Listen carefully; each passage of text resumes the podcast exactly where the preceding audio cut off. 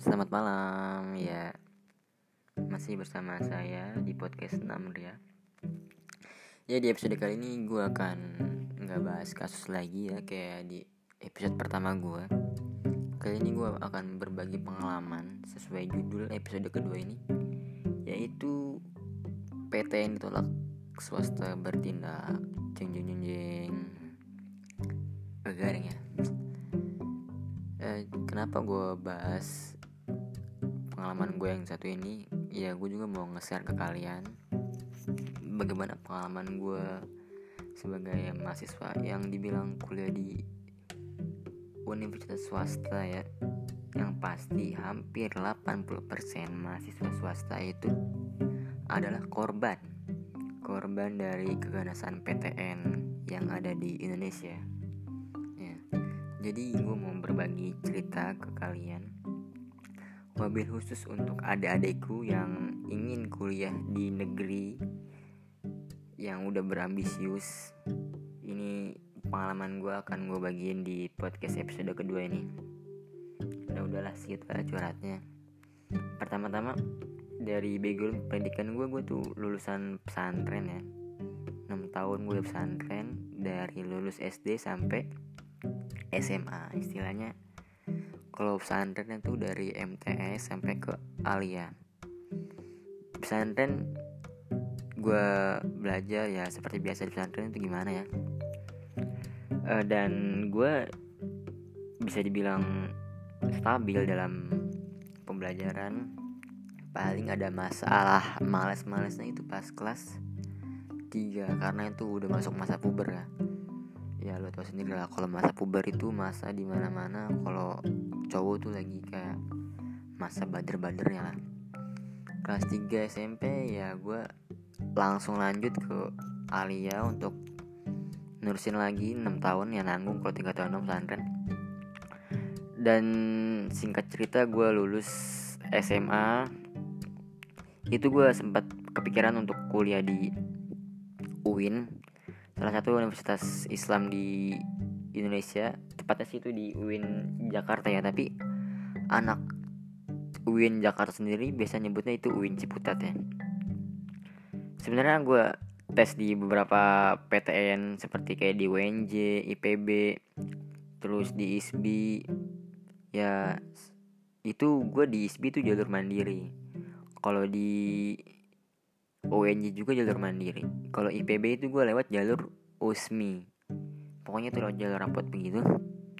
Nah pertama gue tes di USMI itu gue daftar 400 alhasil gue nggak terima di sana.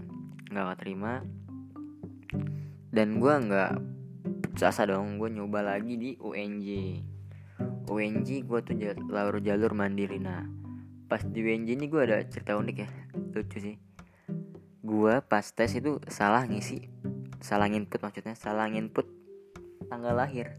Jadi gue tuh tanggal lahirnya malah 2019 nah pas gue itu pada ketawa itu pada apa ya pada ketawa seluruh peserta ujian. Kamu ini kata yang ngas ujian kamu ini niat ujian mandiri apa enggak saya niat bu tapi saya itu salah input data. Nah singkat cerita gue pas di UNJ itu ya nggak keterima ya. Nah terus gue ketemu sama salah satu temen gue bukan temen sih baru kenal di tes UNJ ada yang masuk ISBI juga. Kalau kalian nggak tahu ISBI itu apa ISBI itu adalah uh, Institut Seni Budaya Indonesia yang ada di Bandung. Kalau di Jogja ada namanya ISI Yogyakarta. Nah gue ketemu sama teman baru gue pas gue tanya eh lu selain tes di sini tes di mana aja? Nah dia jawab oh gue tes di ISBI oh kalau gitu sama dong gue juga tes di ISBI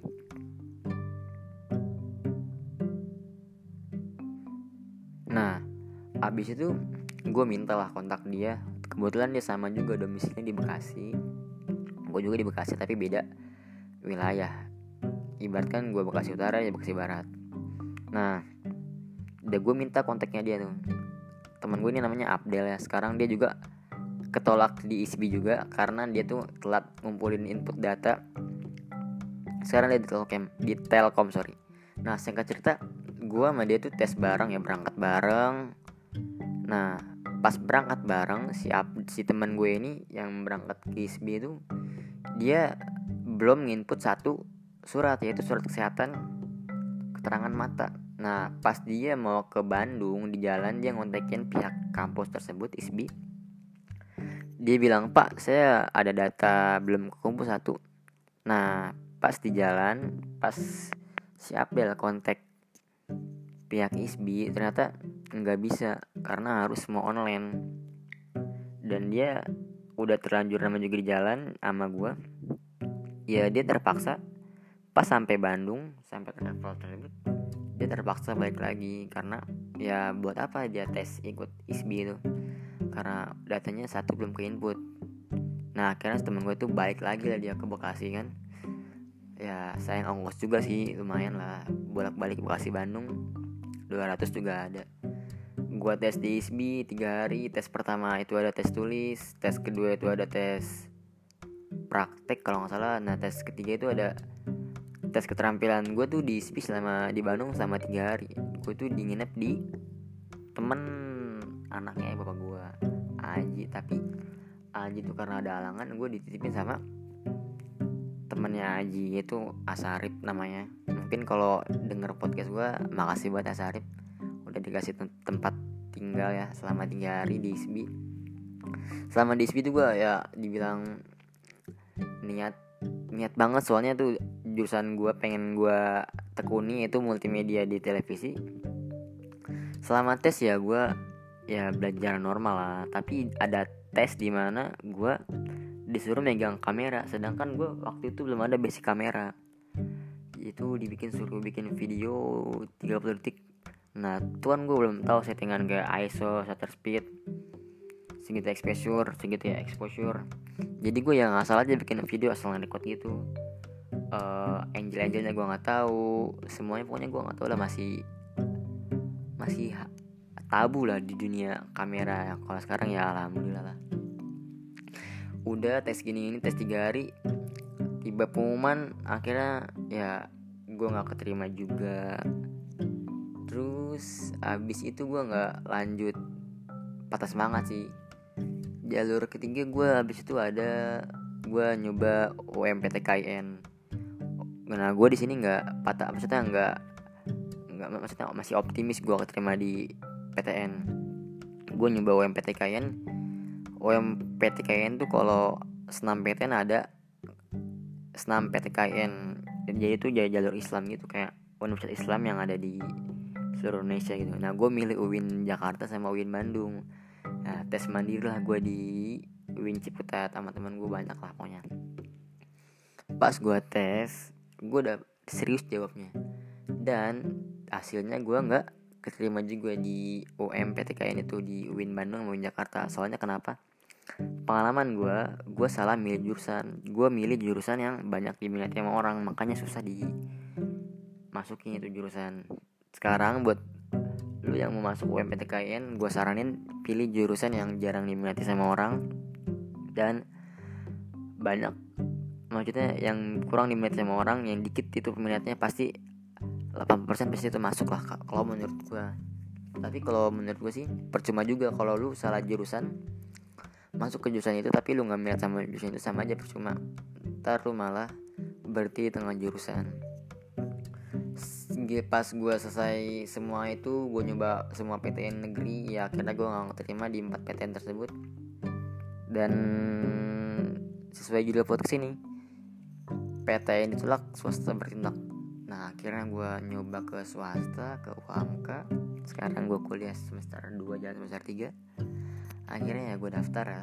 Sendiri gue semuanya semua kalau daftar tuh sendiri sendiri gue nyoba ke pasar rebo UAM ke pasar rebo. Tapi itu fakultas ekonomi bisnis. Gue nggak tahu di mana fisik itu. Nah gue nyoba ke F ke FEB itu gue sendiri ya. Pengalaman gue tuh naik Mesari Bakti turun di depan flyover. Pasar rebo gue celengak celinguk nggak tahu ke mana ini daftar di mana. Nyampe pasar rebo gue tanya ke sapam pak saya mau daftar ini mahasiswa UMK di mana ya? Kamu mau ambil jurusan apa? kata sapamnya. Ilmu komunikasi. Ilmu komunikasi di limau. Wah saya nggak tahu pak limau di mana. Kata gue gitu kan kalau apa kirain gue tuh kampusnya tuh satu satu gitu ya satu wilayah gitu. Ternyata kampusnya banyak kata gue waduh gimana kata gue nih? Limau di Jakarta Selatan. Waduh kata gue gue nggak tahu di mana itu Jakarta Selatan masih itu. Akhirnya bisa lah daftar di FEB di Fakultas Ekonomi Bisnis itu. Nah gue daftar terus saya administrasi bayar kan uang pendaftaran 300 Bread udah kelar udah daftar. Nah akhirnya ya gue keterima lah. Pasti kalau swasta lah pasti keterima. Udah keterima ini ini, ini udah selesai administrasi ya gimana lah kalau masuk kampus kayak ospek gitu ini ini. Dan akhirnya gue sampai sekarang masih kuliah di UHMK ya alhamdulillah berjalan lancar walaupun gue korban keganasan PTN tapi gue yakin korban keganasan PTN bukan gue doang kebanyakan temen gue pasti. Soalnya pas awal perkenalan juga kebanyakan 80% dari temen gue itu korban PTN juga. Banyak yang ditolak PTN akhirnya pelampiasannya ke swasta ke swasta. Nah tapi tahun sekarang juga banyak juga teman gue yang nyoba ikut senam lagi PTN lagi. Nyoba lagi mungkin dia never give up kali ya. Fokus di negeri pas. Pokoknya dia kayaknya temen gue tuh pengen masuk negeri karena dia nyoba lagi pokoknya sekarang. Nah mungkin itu pengalaman gue ya korban kekerasan PTN tapi saat untuk teman-teman gue yang pengen nyoba PTN nggak masalah. Tapi asalkan ya belajar lah. Lu kalau mau dapat yang hasil bagus pasti lu juga harus belajar yang bagus. Nah mungkin cukup sekian podcast dari gue mohon maaf apabila ada kata salah karena ini masih belajar ya bikin podcast dan masih bahasanya masih acak kadul. Sorry sorry. Sekian. Assalamualaikum warahmatullahi wabarakatuh